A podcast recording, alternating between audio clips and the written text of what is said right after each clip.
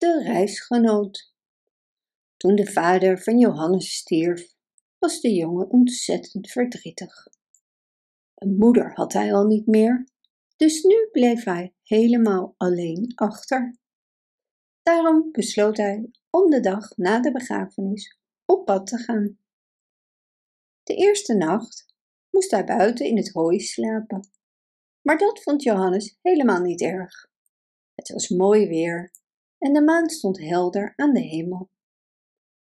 Die nacht droomde Johannes over een schitterend meisje met een gouden kroon op haar hoofd. Ook zag hij zijn vader, die tegen hem zei: Leef altijd goed, Johannes. Kijk wat een mooie bruid je dan zult krijgen. De volgende ochtend werd Johannes tevreden wakker en nam zich voor om altijd goed en lief te zijn. De volgende avond werd het vreselijk weer en Johannes kon niet buiten slapen. Daarom besloot hij te schuilen in een klein kerkje. Hij ging in een hoekje zitten en viel in slaap. Om middernacht werd hij wakker van stemmen. In het maanlicht zag hij dat er midden in de kerk een doodskist stond, met een man die nog niet begraven was. De kist stonden twee slechte mannen die de dode man kwaad wilden doen. Hé, hey, wat zijn jullie aan het doen? riep Johannes dapper. Die man is ons de geld schuldig, maar nou is hij dood en krijgen wij niks.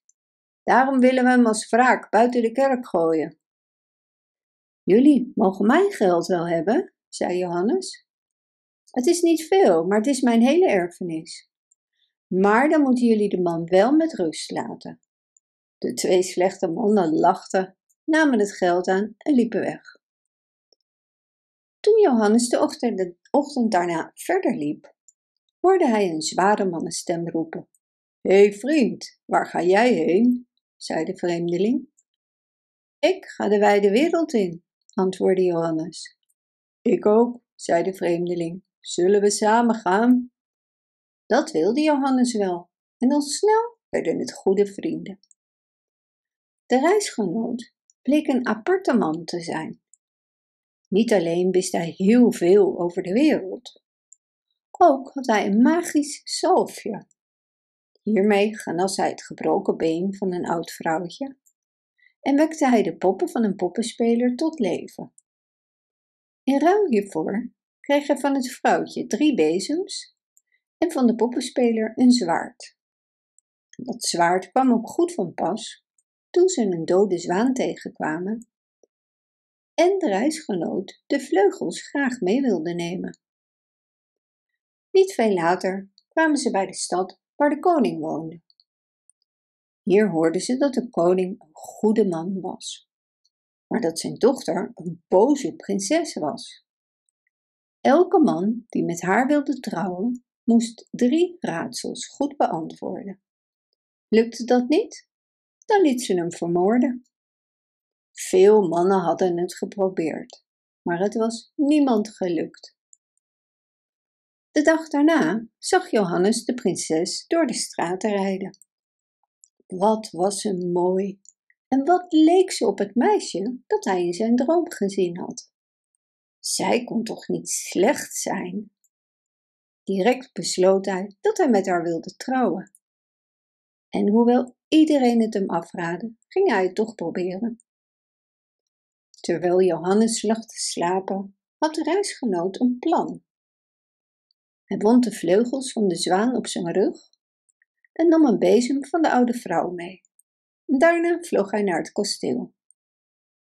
Hier zag hij hoe de prinses met grote zwarte vleugels haar kamerraam uitvloog.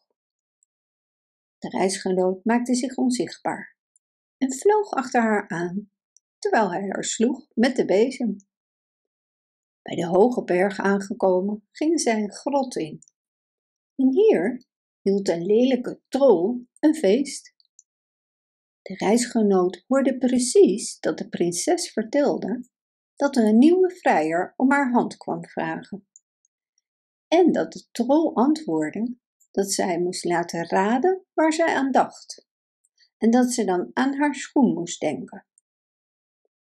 volgende ochtend vertelde de reisgenoot dat hij over de prinses gedroomd had en dat zij aan haar schoen zou denken.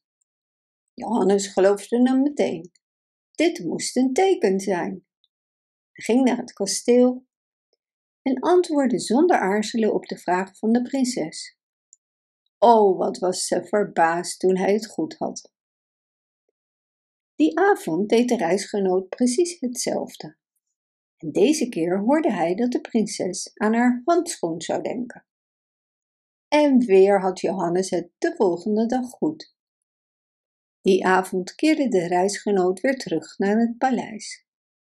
Hij volgde de prinses, zag hoe ze met de trol danste en volgde hen toen ze terugvlogen naar het kasteel. Hier fluisterde de trol: Denk aan mijn hoofd. En terwijl de prinses weer in haar kamer was, hakte de reisgenoot het hoofd van de lelijke trol af. Dit stopte hij in een zakdoek en hij vertelde Johannes de ochtend daarna dat hij het pakketje bij de prinses open zou moeten maken. Wat schrok iedereen bij het zien van het trollenhoofd. Maar Johannes had de prinses wel goed antwoord gegeven. Die avond trouwden ze. De prinses was doodongelukkig. Maar gelukkig had de reisgenoot Johannes verteld hoe hij haar betovering op kon heffen. En vanaf dat moment hield de prinses heel veel van Johannes. De dag na de bruiloft kwam de reisgenoot afscheid nemen. Ik moet nu gaan, zei hij. Ik heb mijn schuld aan je betaald. Ik ben de dode man van wie je de schuld hebt afbetaald aan die slechte mannen. Dank je wel. En met die woorden verdween hij. En Johannes en zijn prinses leefden nog lang en gelukkig. Bedankt voor het luisteren. Wist je dat je dit verhaal ook op onze website ririro.com/nl kunt lezen, downloaden en printen?